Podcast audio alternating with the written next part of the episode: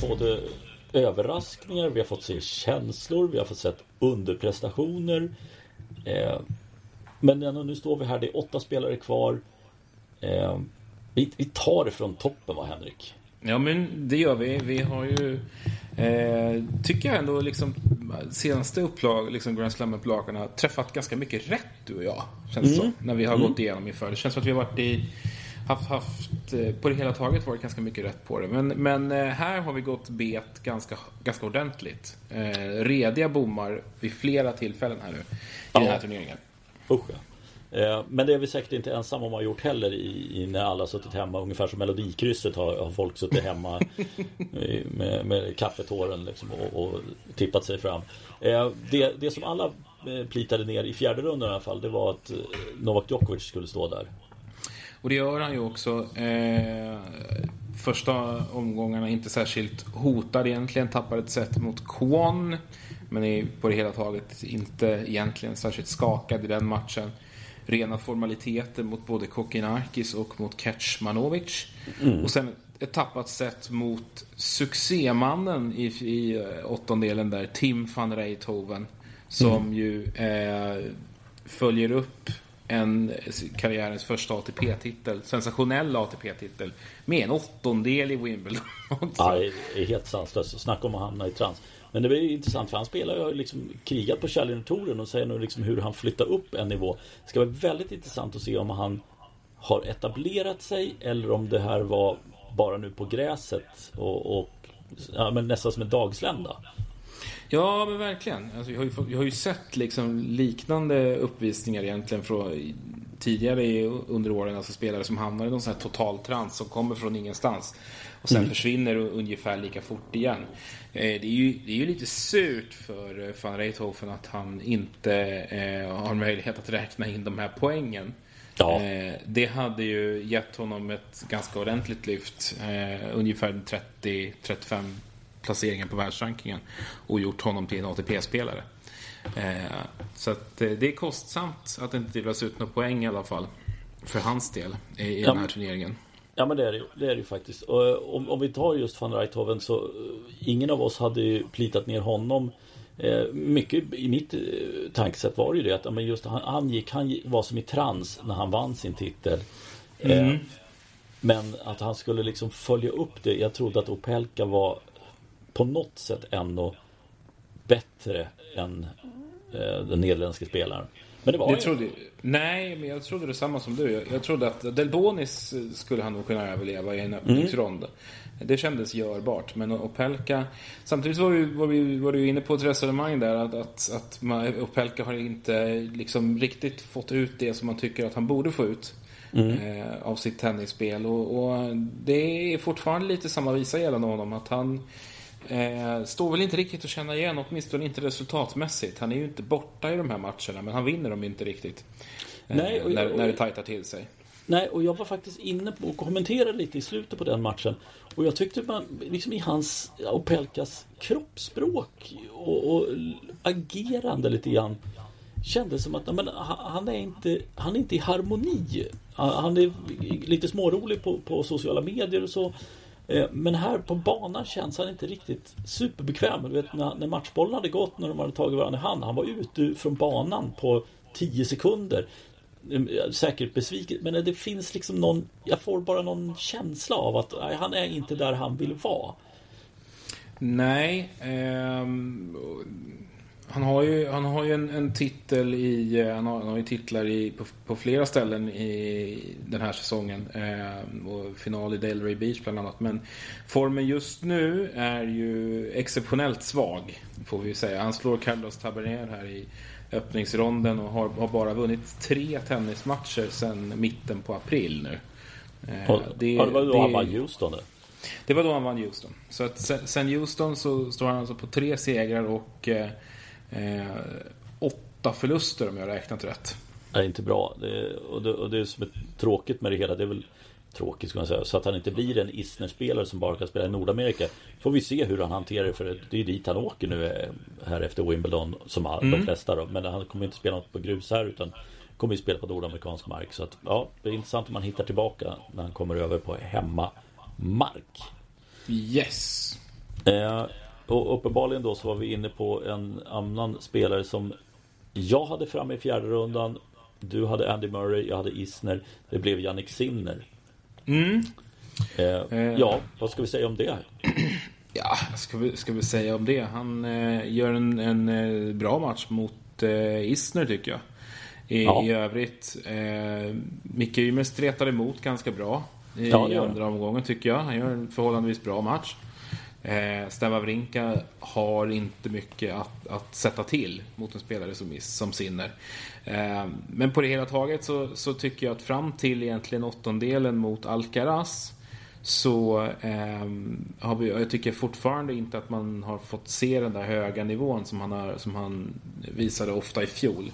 Nu, nu är det väl liksom, det är bra seger mot Alcaraz naturligtvis. Det är en femtesidad spelare och en förmodad framtida världsetta som han slår. Men det är också en väldigt orutinerad grässpelare. Ja. Eh, som, som han går upp emot. Han, han, eh, det är väl hans på pappret tror jag mest meriterade seger i år. Mm. Eh, men, men det är ju också en, ett antal för, förtecken som man ska ta i beaktande där. Eh, när, man, när man värderar en sån seger. Eh, Ja, sen men- är det väl skönt för honom att nå en kvart i en slam. Ja men det tror jag. Alltså det, den känslan tror jag är, är viktig för dem att ta sig dit. Eh, vi kan ju nämna där Isner Murray också. Där var amerikanen helt sanslös vad han eh, servade bra. Det var, det var liksom ingenting som Murray kunde göra kändes det som. Eh, nej, precis. Isner var ju sådär Isner omöjlig som han kan vara emellanåt. Eh, jag trodde ju som sagt att Murray skulle, skulle ta sig hela vägen till åttondelen. Men, men när man stöter på en spelare som är i sån serveform som Isner var i den matchen. Då är det inte mycket att göra. Eh, då kan du nästan returnera hur bra du vill. det Ja, spelar, det- egentligen, spelar egentligen ingen roll. Murray har ju haft en bra grässäsong i alla fall, får vi ju säga. Ja men det får vi faktiskt göra. Och Isner kan vi flika in där också. Ja, men nu, nu är det han som är kung. Han detroniserade Ivo Karlovic i flest eh, antal S slagna. Vi lyfter Eh. motvilligt på hatten där då. Ja, faktiskt. Eh, Det får man väl göra. Eh, Man, hade, man såg det komma där borta liksom i horisonten. När Isner fort, eh, fortsätter spela. Men, ja, men det är bara... Grattis John. Mm. Grattis, grattis. Mm, vi flyttar ner då så var det var Rud och Baez som var de sidade spelarna här. Men här hade vi plockat och hittade rätt också i David Goffin. Mm, både du och jag gamblade på att han skulle eh, nå hela vägen. Det har funnits liksom vissa tendenser i hans spel på att det var någonting som är på väg att börja lossna efter ganska många usla månader från hans sida. Eh, här tycker jag han spelat sin bästa tennis sen, ja, sen när då? Sen han, kanske sen han typ var i semifinal här. För Ja. ett par, tre år sedan. Jag tror fjärde kvarten tror jag det är för honom i, i slamsammanhang. Mm. Eh, Goffin. Eh, och, åttondelen, om vi snabbt tar oss ner där så hade jag faktiskt valt TFO och du hade Bublik och det var de två som gjorde upp om en plats i fjärde rundan. Det blev TFO och TFO och Goffin hade ju en riktig holmgång som höll på i över fyra timmar. Och väldigt underhållande spel. En, en bra match och Goffin efteråt sa ju också på presskonferensen att det här, det här var det man spelar mot en sån som Frances med den inramningen. Det, det, det var liksom verkligen roligt och man kunde känna stämningen och ja, men det, det, var, det var en kul match att spela helt enkelt. Två spelare som, som eh, tycker jag befinner sig i en slags formmässig medvind. TFO eh, har ju också gjort en bra turnering lite sådär i skymundan. De går ju fortfarande och trampar lite och väntar på att hans genombrott ska komma. Det är inte för sent. Han har fortfarande jättemycket fina ingredienser i spelet som skulle kunna leda riktigt långt. Mot Bublik tycker jag, där är det ju för att Bublik tramsar bort det till ganska stor del. Ja, Eh, som vanligt. han har ju, ja, han har ju något game där han slår sex underhandsservar eller något sånt där. Han skiter ju i det efter, egentligen efter att ha tappat andra set. Eh, känns det som. Så det är ganska många game som han får med sig av ren tur, känns det som, i resten av den matchen. Ja. Eh, han, han blixtrar till, gör några sjuka poäng, men på det hela taget så eh, är det, det är en oseriös framtoning kring honom. Eh, Ja. Skulle kunna vara otroligt mycket bättre. Ja det är ju faktiskt så. Eh, tyvärr. Kan, underhållande att titta på absolut. Men man, man blir lite småstörd på att han slarvar bort så mycket mer som han borde kunna ge sig själv och ge, ge publik och, och så vidare. Eh, flytta neråt då. Eh, Cam Norrie och Dimitrov och där fick ju, du frångick ju din favorit Dimitrov och det mm. gjorde du helt rätt i. För Dimitrov var trasig och gav upp i andra set mot Steve Johnson. Eh, redan i första rundan vilket ledde till att Johnson faktiskt nådde en tredje omgång i, i den här turneringen. Jag vet inte, när, när var han framme senast i en tredje runda i en slam? Var det kanske ja, det, ett tag sedan? Ja, det vet tusan om, om han har varit höll jag på att säga. Men det, det måste ju vara Ja, det var väl när han var som bäst det höll jag på att säga. Ja, måste, måste varit en fem år sedan kanske i alla fall. Ja, om, om det någonstans där. Ska se om vi kan få fram det där. Eh, fjärde, ja, det var fjärde, faktiskt redan i ja, fjärde rundan han var det här ja. ja. 2016. Eh, annars är det tredje rundan några gånger. Men ja. eh, han, eh, Johnson tar sig fram till tredje i alla fall. Eh, Cam Norrie har oväntade problem med Jean Monar. Eh, ja. I andra omgången. Jag såg ingenting av den matchen själv. Nej, nej. Så jag vet inte riktigt vad det var som hände där. Nej, inte jag heller. För att det var en sån match som så här, ja, men Jean Monar i den andra rundan. Ja, men det där, det, det, det ska han plocka. Liksom, mm. Med förbundna ögon höll jag på att säga. Men, men så pass enkelt. Så att, nej, för mig var det också när jag såg resultatet. Men hoppsan, vad hände här då? Nu är det ju ingen, ingen ko på isen när det gäller de, de sista två sätten där. Men i alla fall, det, det är eh, noterbart att det blev fem set mot honom och sen Steve Johnson får fem gem. Ja, eh. precis. Ja, men borde nästan, det, det logiska hade varit det omvända, absolut. Ja. Norrie i alla fall, han tar sig vidare till kvarten och han Ja, det, det hade nog inte varken du eller jag tippat för att Hubert Hurkacz var den spelare som vi trodde skulle kliva fram först. Men hoppsan, vad hände där? Davidovich Fokina. Ja, en svängig match. Eh, en, en, väldigt, väldigt svängig och oviss match som väl hade egentligen kunnat gå precis hur som helst. Det blir 10-8 i avgörande sets tiebreak.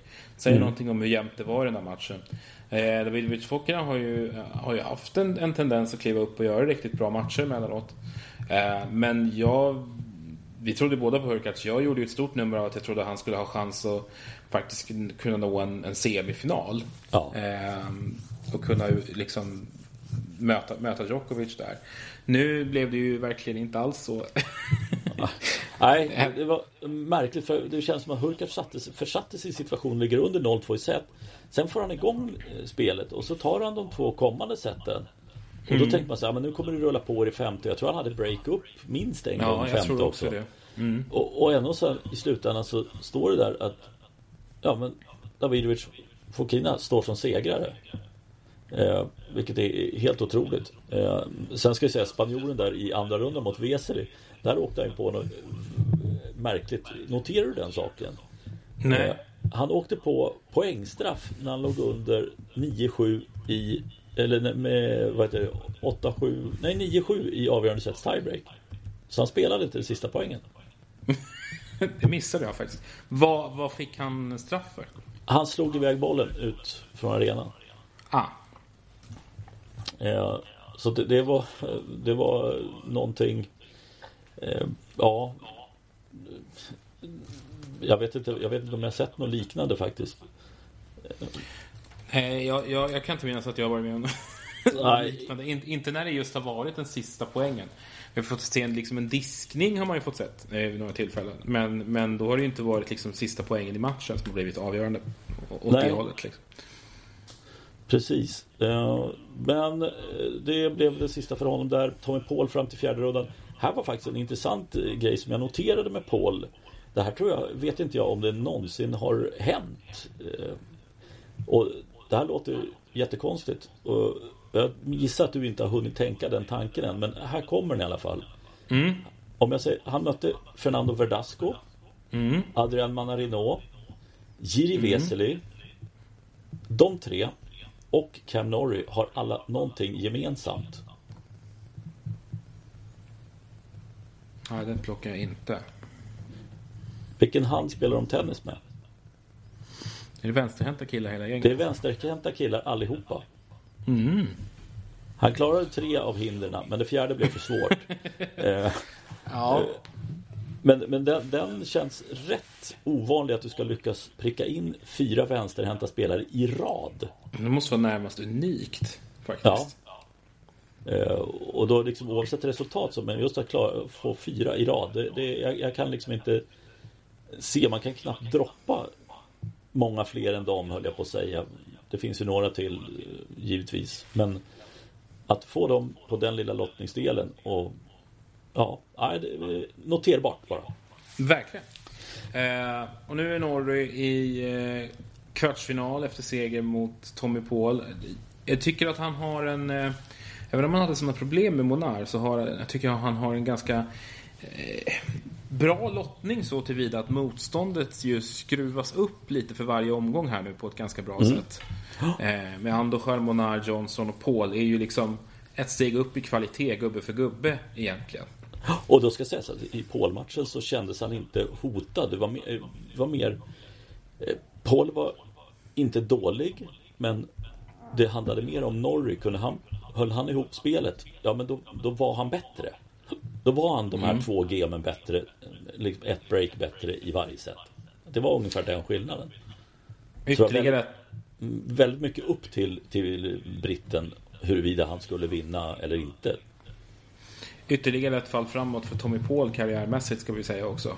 Mm. Eh, första åttondelsfinalen i karriären. Eh, och hade det blivit poäng i den här turneringen, ja, då hade det blivit klättring. Men så icke fallet, så då får jag så slantarna istället. Ja, verkligen. Mm, Inte eh, så dumt det heller. Nej, vi flyttar ner till den nedre halvan och här eh, händer det ju också någonting i lottningen efter vi hade spelat in. Matteo Berrettini, mm. covid. Elias Ymer kommer in. Kul att han får chans. Han möter Christian Garin. Och tänker vi och de många andra att ja, men här, det här är ju faktiskt en ganska bra chans att komma in som lucky loser och möta en grusspecialist. Men ack, ack, ack. Jag vet inte vad det är som har hänt med Christian Garin. Många har försökt förklara bort hans avancemang här med att banorna är så oerhört långsamma. De är väl kanske inte liksom de snabbaste som de någonsin har varit. Men så... Nu, nu har ju du sett betydligt mer tennis än vad jag har gjort gissar jag. Ja, eh, men, men så långsamma är de ju inte. Nej, och, och nu, nu, ska man liksom inte... Ja, men han har ju tagits till, till en kvart för guds skull. Liksom. Det, det, mm. det, det, är klart att killen kan träffa bollen på gräs också. Så att det är klart att stjärnorna står rätt. Det, är inte så att han har no, några riktiga, riktiga jätteproblem de första två rundorna. Men om en Brooksby som har tagit sin tredje runda och, och borde vara väldigt sugen på att ta sig längre när det har öppnat sig så bra. Eh, då går Garinen och vinner 3 1 set. Det förvånar mig väldigt, väldigt mycket. Ja, där någonstans så märker man ju att han är på allvar. Alltså, mm. Precis som du var inne på. Jag tror både... Många av oss kände då att Elias skulle ha en liten chans mot, mot mm. Garin. Eh, sen så får han ju Lucky Loser igen då, eh, Garin, i form av Grenier. Eh, så han är ju inte riktigt testad där framme. Men, men seger mot Brooksby är ju liksom det, ett, ett Alltså det är ju det är ett styrkebesked. Det är ju, det är ju tydligt kvitto på att han har långt fram i den här turneringen att göra. Mm. För det är ju en, en, väldigt duglig spelare på den här nivån. Och sen eh, blir det ju till slut en, en väldigt, väldigt imponerande vändning mot Alex Deminar i åttondelen. Eh, ja, det, det, den kan inte Och det måste jag säga, nej det kan han absolut inte vara nöjd med. Nej. Här såg han ju förmodligen lottningen öppnas upp riktigt, riktigt, riktigt, riktigt ordentligt. Ja. Eh, en chans till sitt livs slam och eh, det sumpar han. Ja, ja det är faktiskt så. Han, han, han sumpar den, den möjligheten. Så att, eh, Christian Garin i kvartsfinal och det är verkligen bara så här, wow, det här kommer du inte göra om. Och det vet han om också att han inte kommer. Ja, Nej, det är bara att njuta. Det är, en, para, det är, det är, en, det är en, ett, ett undantag. Ja, ja, men det är det ju faktiskt. Eh, bland de sista åtta i Wimbledon. Det, det hade varit rätt intressant att veta vad han har fått betalt på den. För det, det tror jag hade varit en god slant även efter att Berrettini hade Verkligen. försvunnit. Eh, vi flyttar neråt då. Där hade vi Dennis Chapovalov, vi hade Bautista Agut. Eh, vad vi minns det så, du var inne på Bautista Agut och jag undrar om jag också var det. Jag är inte hundra på det, men eh, Chapovalov som var där, han försvann mot Nakashima och Bautista Agut, han försvann i covid. Eh, mm. Och det bäddade ju för en Nakashima i fjärde rundan. Eh, som Ja, han fick ju Galan, eh, colombianen i tredje rundan som hade fått walkover i andra och det var ju en skrattmatch. Eh, ja, jag vet inte vad man ska säga. Den unga amerikanen, han tar sig långt. I en bra seger mot Chapovalov på gräs, även om Chapovalov har mycket frågor som behöver besvaras. Eh, kom in i den här, jag tror, hade han sex raka förluster eller något sånt där? Mm. Eh, en, en horribel form överlever ju Arthur Rinderknecht i, i första omgången med nöd och näppe. Och sen åker han på spö mot Nakashima och det är för att Nakashima är ju liksom en, en, en tålmodig, duktig, välskolad, liksom, det är ordning på den killen. Eh, mm. han, han, gör verkligen inte bort sig, han, han, gör, han får jobbet gjort.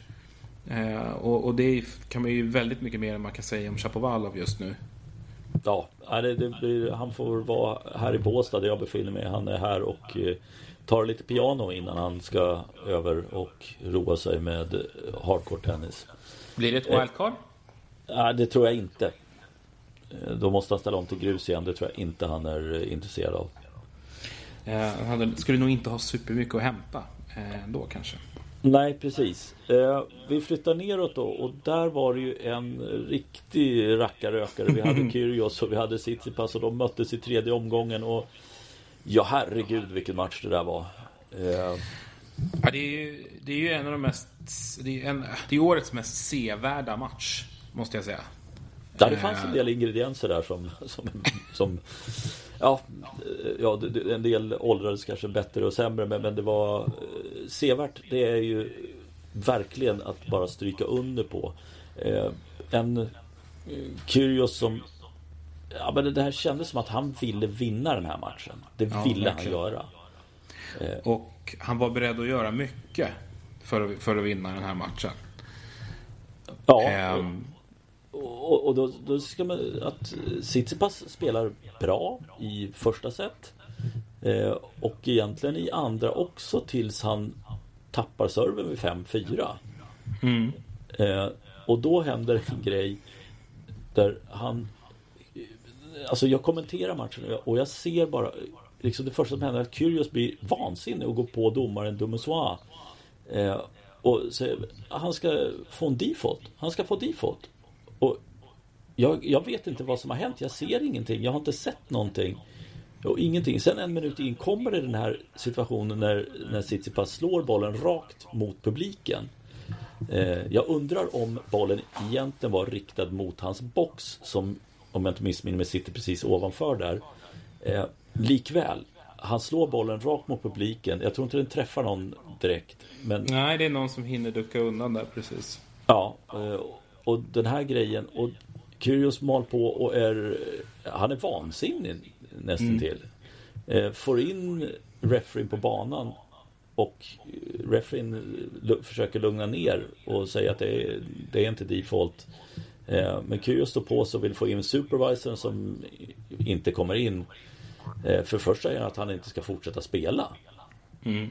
Eh, vilket han ändå gör. Men här någonstans börjar ju det, det skaka lite grann i Tsitsipas eh, skalle också vad det verkar. Han eh, har väl säkert börjat koka lite grann i blodet redan innan.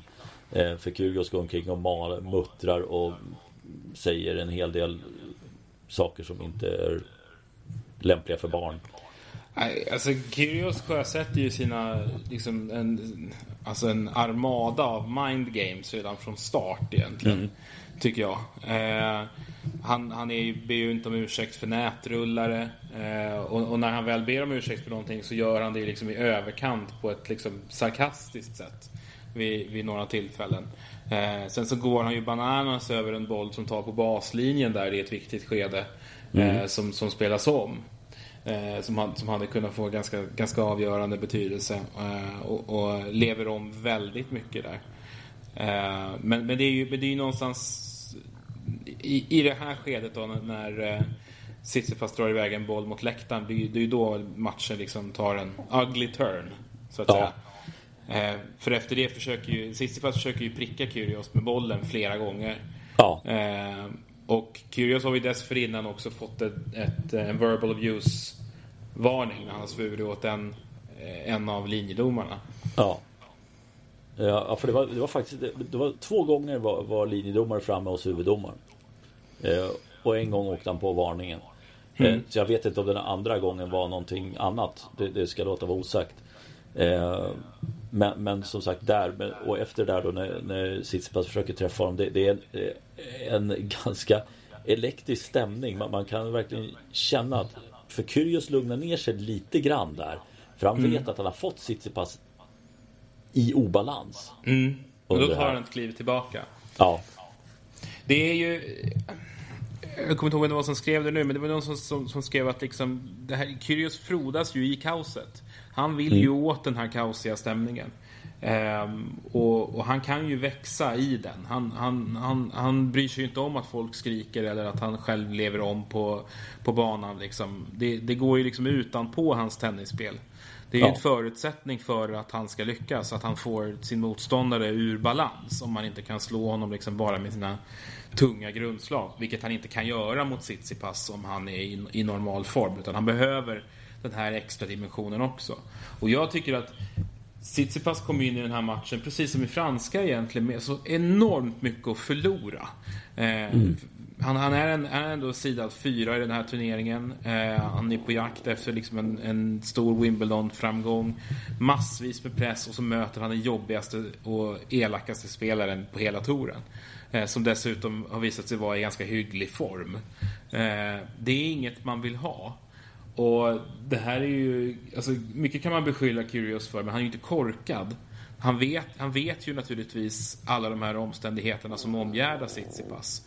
Och vet ju också att det går att få honom ur balans. För att han kan bete sig som ett litet as på banan han också. Mm. Eh, om saker och ting inte går hans väg. Och det som skiljer dem åt egentligen är ju liksom att Kyrgios omfamnar ju det här. Han har ju inga problem att ta skurkrollen och att andra inte tycker om honom och att eh, folk tycker han är dum i huvudet. Tsitsipas tror ju fortfarande att han är one of the good guys. Eh, trots att han i så många olika avseenden redan har, har liksom blivit en av Torens skurkar. Ja. Eh, men han, han, han, vägrar ta det. Han vägrar acceptera det. Han, han, hade han gått upp i att liksom var betraktad som en idiot och, och liksom omfamna det så kanske det skulle gå ännu bättre för honom. Åtminstone i den här matchen. Ja, ja men det är det. För att i slutändan så, så är det Kyrgios som, eh, som vinner. Eh, intressant att de inte visade faktiskt handslaget vid första läget eh, under. Jag ville se hur det såg ut först. Ja, eh, nästan så jag funderar på om det inte var det. Jag såg direkt att Tsitsipas gick fram mot nät. Så att den uppfattade jag. Hade han inte velat göra det då hade man sett hur han hade vikt åt sidan på en gång. Men han mm. gick faktiskt framåt nät. Och, och så det, det, kan jag tycka liksom var, var schysst. Men, men hela den här matchen, det blir ju väldigt märkligt. Och, och när vi pratade lite grann här innan så det, det som vi båda är överens om det är ju att domaren Damien Dumesois han tappade den ganska tidigt. Ja, jag tycker egentligen att han börjar, han börjar tappa det redan när, när Kyrgios börjar gå loss på den där eh, poängen som spelades om på baslinjen. Mm. Eh, han låter honom vräka ur sig oförskämdheter en ganska lång stund och i flera sidbyten. Ja. Eh, utan att på något sätt egentligen säga åt honom att skärpa till sig. Eller han, han, han lyssnar, en, alltså jag, jag, lyssnar ändå på den här matchen i, i ett par hörlurar. Så jag, ändå, jag tycker ändå jag har hört väldigt mycket av det som Kyrgios säger under det sättet. Mm. Alltså det, det, finns, utan att ha liksom regelboken i, i bakhuvudet varenda paragraf, så tycker jag att det finns fog för att ge honom både en och två varningar för sättet han pratar på. Ja, ja men jag, jag är helt med dig på, på det. Jag, jag, tycker också det. Och, och sen finns det ytterligare en grej här. Så Tsitsipas får ju ett poängstraff när han slår iväg bollen en andra gång eh, på en mm. underhandsserve från Kyrgios. Den bara drar han ju stenhårt. Eh, och sen när han ska gå ut och serva i gamet efter eh, då är det 0-15 och han fattar inte mm. vad det är som händer. Och det, det som jag tror hände det var att han fick en varning för den här första bollen som han slog mot publiken. Mm. Bara att han uppfattade inte det och jag uppfattade inte heller att det tydligt ja, Det var ju rätt kaosigt där och då. Så det, om inte du han, han får grepp om det så är, jag tycker du är ursäktad. Ja, för det var, det var, jag hörde att referee var inne och pratade om det. Men det var mm. inte så att jag hörde Dumosva säga någonting i, i den här frågan. Och hela den grejen just med Dumosva, det som jag tror tillsammans pratade med, med, med Johan Landsberg också hade en dialog med det. Det var att Dumosva såg inte vad, eller vad, vad Tsitsipas gjorde när han slog iväg bollen mot publiken första gången. Han såg inte den grejen. Och i så fall så är det ytterligare en, en väldigt, väldigt blek insats av honom i den här matchen. Ja, vi ska inte säga att det är så nu men, men, men någonstans där skulle är jag med för att man hinner inte uppfatta och hade det varit så tydligt då hade vi dessutom då hade vi fått reprisen snabbare på det och sett den här grejen. Den här letar de upp i då EVS-maskinen höll jag på att säga när de tittar på eh, olika kameravinklar. Så mm. tror jag att liksom, de, de letade efter den och det tog en stund att hitta det där. Så att, eh, nej det där var Men eh, ja, någonstans så landade jag det där i alla fall och Kyrgios går vidare Och sen följer han upp det med att slå Nakashima men nu, nu börjar ju Kyrgios gå sönder. Ja, det är ju bara frågan om hur många matcher till han, han kommer att överleva. Eh, alltså han är ju en spelmässig form som skulle kunna ta honom till en semifinal, absolut. Kanske ja. ännu längre. Men, men hans axel började ju göra väldigt, väldigt ont mot Nakashima. Det var ju uppenbart. Han fick ju behandling flera gånger och, och han var ju stundtals ganska hämmad av det. Och särskilt när det inte gick så bra. Då, då, ja. då lät han ju eh, sin omgivning veta att, att han hade väldigt, väldigt ont. Liksom. Så att, mm.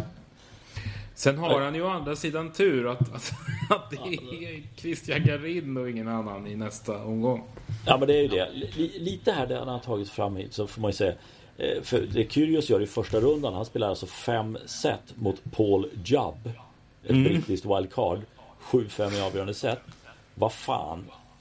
Ursäkta att jag svär, men du, hur kan du vara på banan så länge? Du ska städa av den i tre set.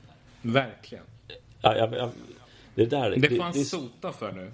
Ja, men det, det, är ju lite den grejen. Mm. Sen är det klart att Tsitsipas-matchen tar nog mycket.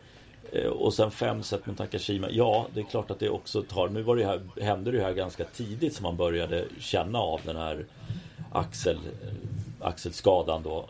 Sen vet man inte, som du säger, att det gjorde ju mer ont när han låg under än han hade medgång. Han slog 35 s under matchen. Så att eh, uppenbarligen funkar det ju hyfsat i alla fall. Men det blir ju intressant att se Garin borde han kunna städa av, men vi kommer till det sen. Ja. Eh, så vi, vi, vi struntar i det nu. Nu flyttar vi ner och så konstaterar vi att eh, Jason Kubler eh, Kvalspelare från Australien Han stod mm. i en fjärde runda där vi hade plitat ner Felix Auger Aliasim eh, Men kanadensaren eh, ja, Han åkte på Maxim Cressy även om vi, vi höjde ett finger för amerikanen att Han är inte oäven Nej, Cressy har gjort en jättefin första halva av säsongen. Eh, det är en spelare verkligen att, att, se upp med och som har vapen. Eh, mm. Han är en stor kille liksom. Eh, så det är naturligtvis en obehaglig motståndare i en öppningsrond. Vilket då Aliasim fick känna på. Men det är ändå en match som jag tycker han borde ha vunnit. Alltså det, det är ju, han har ju en helt annan kapacitet än vad Cressy har. Vilket vi ser i nästa omgång när Cressy ryker mot Sock. Ja. Eh, som ju bara spelar halvsporadiskt liksom på den här touren numera. Eh, ja. och, sen, och sen ryker Sock i sin tur mot Kubler. Ja, och Kubler skulle säga han tar ju en bra seger i första rundan mot Dan Evans. Evans verkligen. känns inte riktigt Riktigt kan inte bra. vara på tårna där va? Nej, nej verkligen inte. Så att det, det liksom att Evans tar 8 gem mot Kubler känns väldigt, väldigt märkligt. All heder åt Kubler dock. Man, man kan ju inte ja. annat än att glädjas åt en, med, med en sån kille som ju kom fram som ganska ansedd talang. Fick wildcard till Australian Open för en 12 år sedan. Eh, och var ju, var ju ganska lovande som junior. Men sen hade en uppsjö av olika knäskador med tillhörande operationer.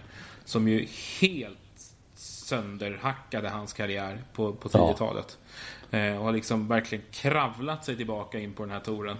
Eh, och, och, nu fått till sin största, största framgång i karriären snart 30 år gammal. Så att, eh, det, det, det, det, är en fin liten historia i skymundan tycker jag. Eh, kul för Kobler. För Kobler. Eh, som ju får en, framförallt en redig slant. Och, ja. lägga undan.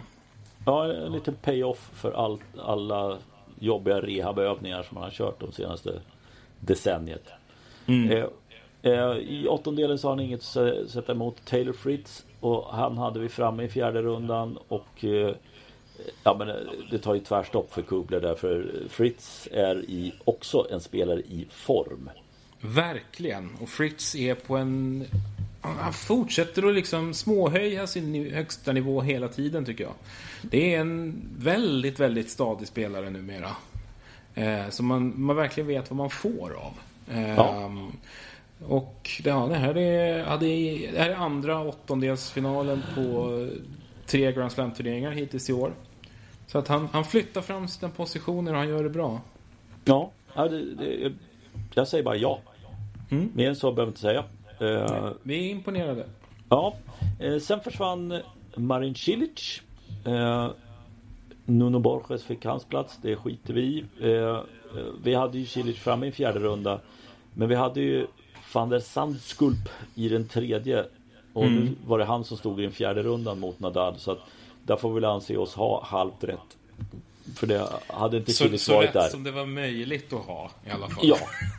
Ja men verkligen. Gasquet sprattlar till och tar till en tredje runda. Eh, och det var ju lite mer pensionspengar till fransosen. Eh, mm. Men van der Sandskulp. Där har vi också en spelare när vi pratade tidigare om van Reithoven. Eh, Sandskulp kom ju fram i US Open egentligen i fjol. Då han fick mm. sitt stora genombrott.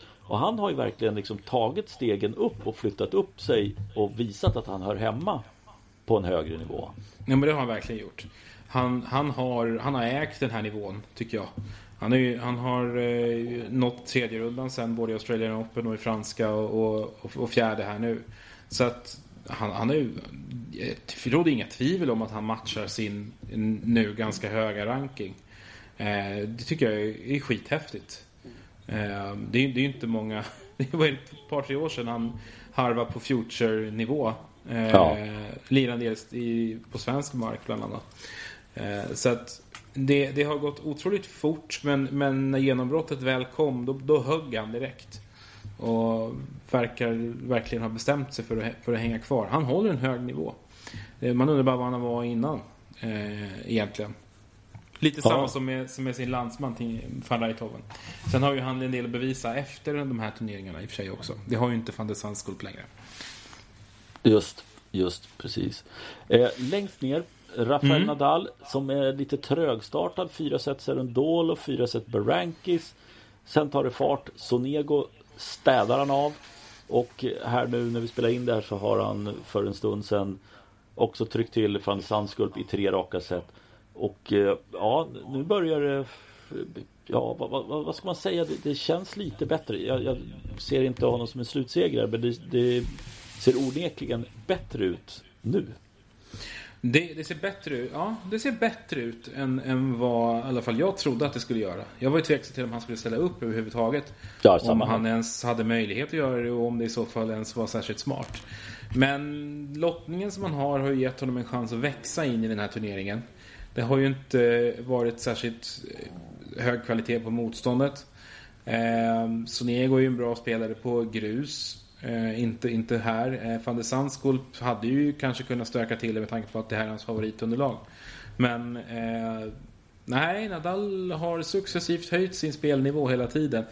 Och liksom, om man kan prata om Nadal på det sättet att han flyter lite grann under radarn. Alla pratar ändå om Djokovic som en, som en slutsegrare och, och, och Kyrgios yrvädret är liksom den som får de stora rubrikerna på nedre halvan. Mm. Eh, Nadal får liksom jobba lite i fred. Är, han, han har, bär ju inte de här förväntningarna med sig i den här turneringen som han gör annars. Nej det gör han inte. Om vi börjar där nere då. Eh, kvartsfinal Nadal Fritz. Eh, mm. Jag tycker att det är, lite svårt med tanke på den form Fritz har varit i. Så är frågan vilken respekt har han mot Nadal här i Wimbledon? I Paris så hade det inte varit någon snack om saken. Här tycker jag det blir lite mer svårläst. Jag, jag tror att ja, det, det, det känns ju som att en Nadal kan plocka ner honom i fyra varav två riktigt tajta set där Nadal vinner 7-6 i, i de två seten. Så att jag, jag plitar ner Nadal i semi faktiskt. Ja, jag, jag, gör nog samma som du, men jag tror det kan bli väldigt jämnt. Och sen får vi inte glömma mm. att Fritz ju har en seger mot Nadal i, i eh, finalen i Indian Wells. Stämmer. Eh, så att eh, den kan han ju ta med sig. Sen är det ju här en helt annan sak naturligtvis. Eftersom alla har vunnit här. Eh, men eh, han har ju visat att han kan. Han är i bra form. Eh, sen så är det ju här det längsta han har varit i en Grand Slam-turnering. Så att han har fortsatt en del att bevisa Fritz. Så att, äh, men knapp fördel Nadal, men det kan bli en långkörare. Det kan bli riktigt jämnt. Vem möter han i semifinal då? Jag tycker det är ungefär lika svårt. Om inte svårare. Eh, Kyrgios är ju rent spelmässigt naturligtvis den givna favoriten. Eh, med tanke på att Garin objektivt sett inte ska vara här egentligen.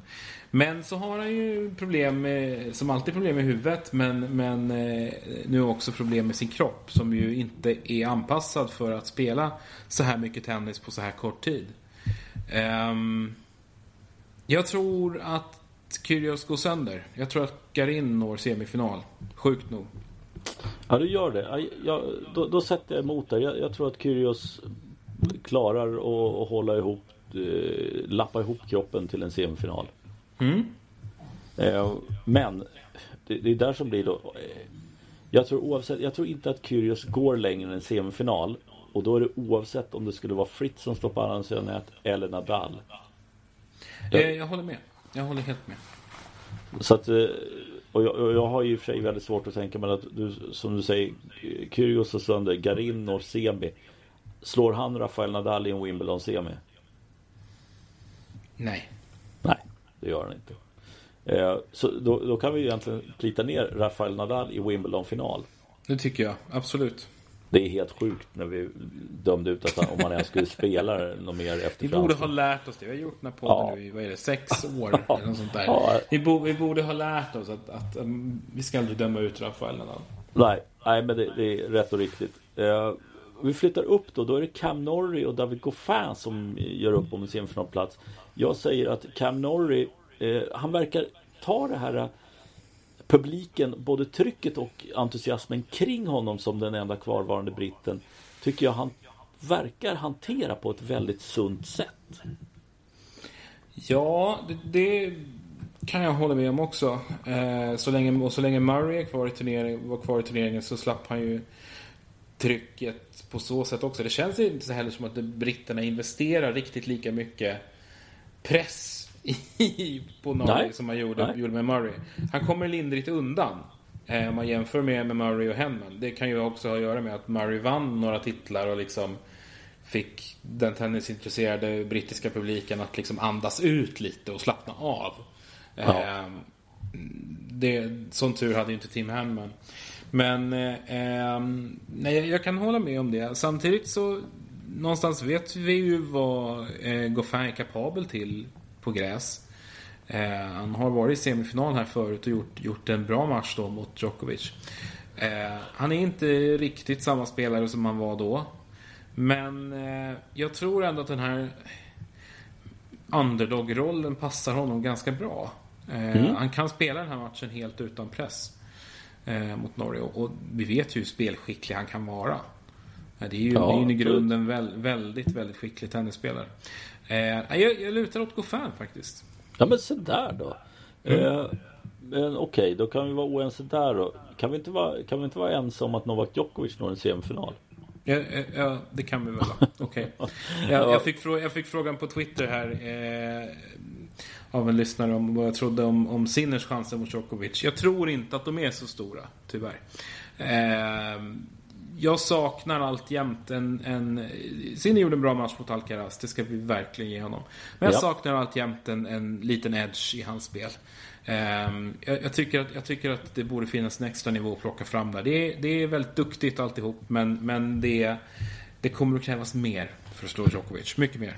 Ja, men det, det, är, det är duktigt på ganska många parametrar. Mm. Men eh, framförallt i en matchup mot, mot Djokovic så är det ju inte bäst i någonting. Nej. Stort sett. Nej. Uh, så att det, är så svårt att liksom se att Djokovic inte ska nå en semifinal. För att just det att han hanterar ju gräset också så fantastiskt och är så oerhört komplett som spelare. Så att, nej, Sinner kan inte få Djokovic där serben är obekväm. Nej, den enda som har de, de, de elementen i sitt spel på det här underlaget, det är Kyrgios.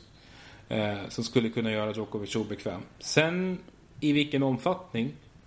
Mm. Det, det, det, vet jag inte. Eh, nu var det ju ett tag sedan liksom Visst, han plockade bort Tsitsipas, men det är, något, det är något annat. Alltså, det är inte Djokovic. Nej. Eh, eh som, som nu, nu när vi liksom summerar det här så lyfter vi fram Djokovic och Nadal i en final till slut i alla fall. Ja. Eh, väl. Eh, Ja. För jag, jag, tror, jag, tror, jag gissar att du inte, har, inte tror att varken Goffin eller Norrie skulle ha någonting att sätta emot Djokovic i en Nej. semifinal. Nej. Och väl där tror jag ju ärligt talat inte att Nadal har så mycket att hämta där heller. Nej, han, han ska inte ha det. Sen är det just att Nadal för Djokovic som skulle kunna ställa till lite eh, bryderier för honom. Men just på det här underlaget har jag så oerhört svårt att se att Nadal ska slå Djokovic. Jag, jag, jag vet inte vad... Då, då, måste, då måste Djokovic krympa. Eh, och jag tror inte han gör det. Jag tror inte, Jag tror han inte gör heller det. han gör det. Eh, det är väl det här med att man aldrig kan räkna ut Rafael Nadal då. Det var Ja. 13 år mellan hans första och andra Australian Open-titel. Skulle i så fall vara 12 då mellan hans för, eh, andra och tredje Wimbledon-titel. Ja. Eh, Men det, nej, jag, tror, jag, jag, jag, jag ser inte det på gräset att det ska kunna hända faktiskt. Nej, jag gör faktiskt inte heller det. Så grattis Novak Djokovic. Ja men det är kul, kul för han. Eh, Mm.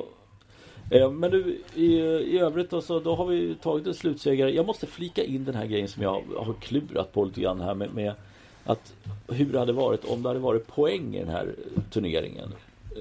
Du, du var ju flika in där till det en del spelare. Jag får känslan av att det finns några, de bästa som har sett att de har haft en möjlighet. Vi pratar eh, Djokovic Nadal förstås. Eh, jag tror även en sån som Tsitsipas som såg lottningen att här, wow, det här är ju en jättemöjlighet för mig. Givetvis som Berrettini hade spelat. Eh, alltså att de, de ger allt.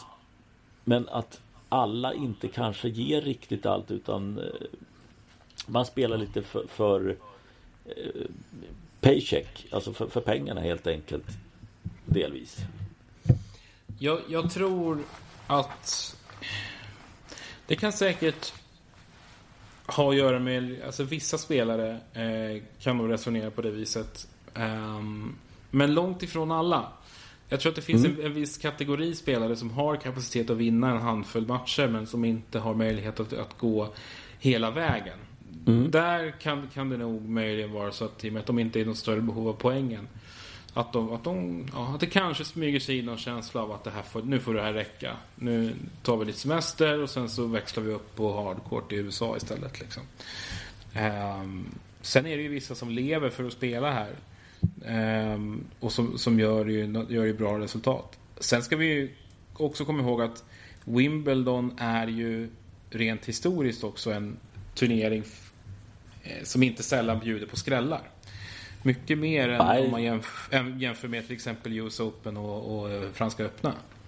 Ja, ja men det, det har du rätt i. Vi, vi har sett eh, stora elefanter falla eh, i den här turneringen under många tillfällen och sånt som man verkligen har höjt på ögonbrynen åt. Så att det, det, det har ju funnits och det finns fortfarande den. Så att det är det. Men, men någonstans får jag känslan att ja, men, Exempel då, vi, vi, nu tar jag bara det, det första jag ser här när jag tittar framför mig. Kokkinakis i andra rundan mot Djokovic. Han vet att han inte kommer vinna den matchen.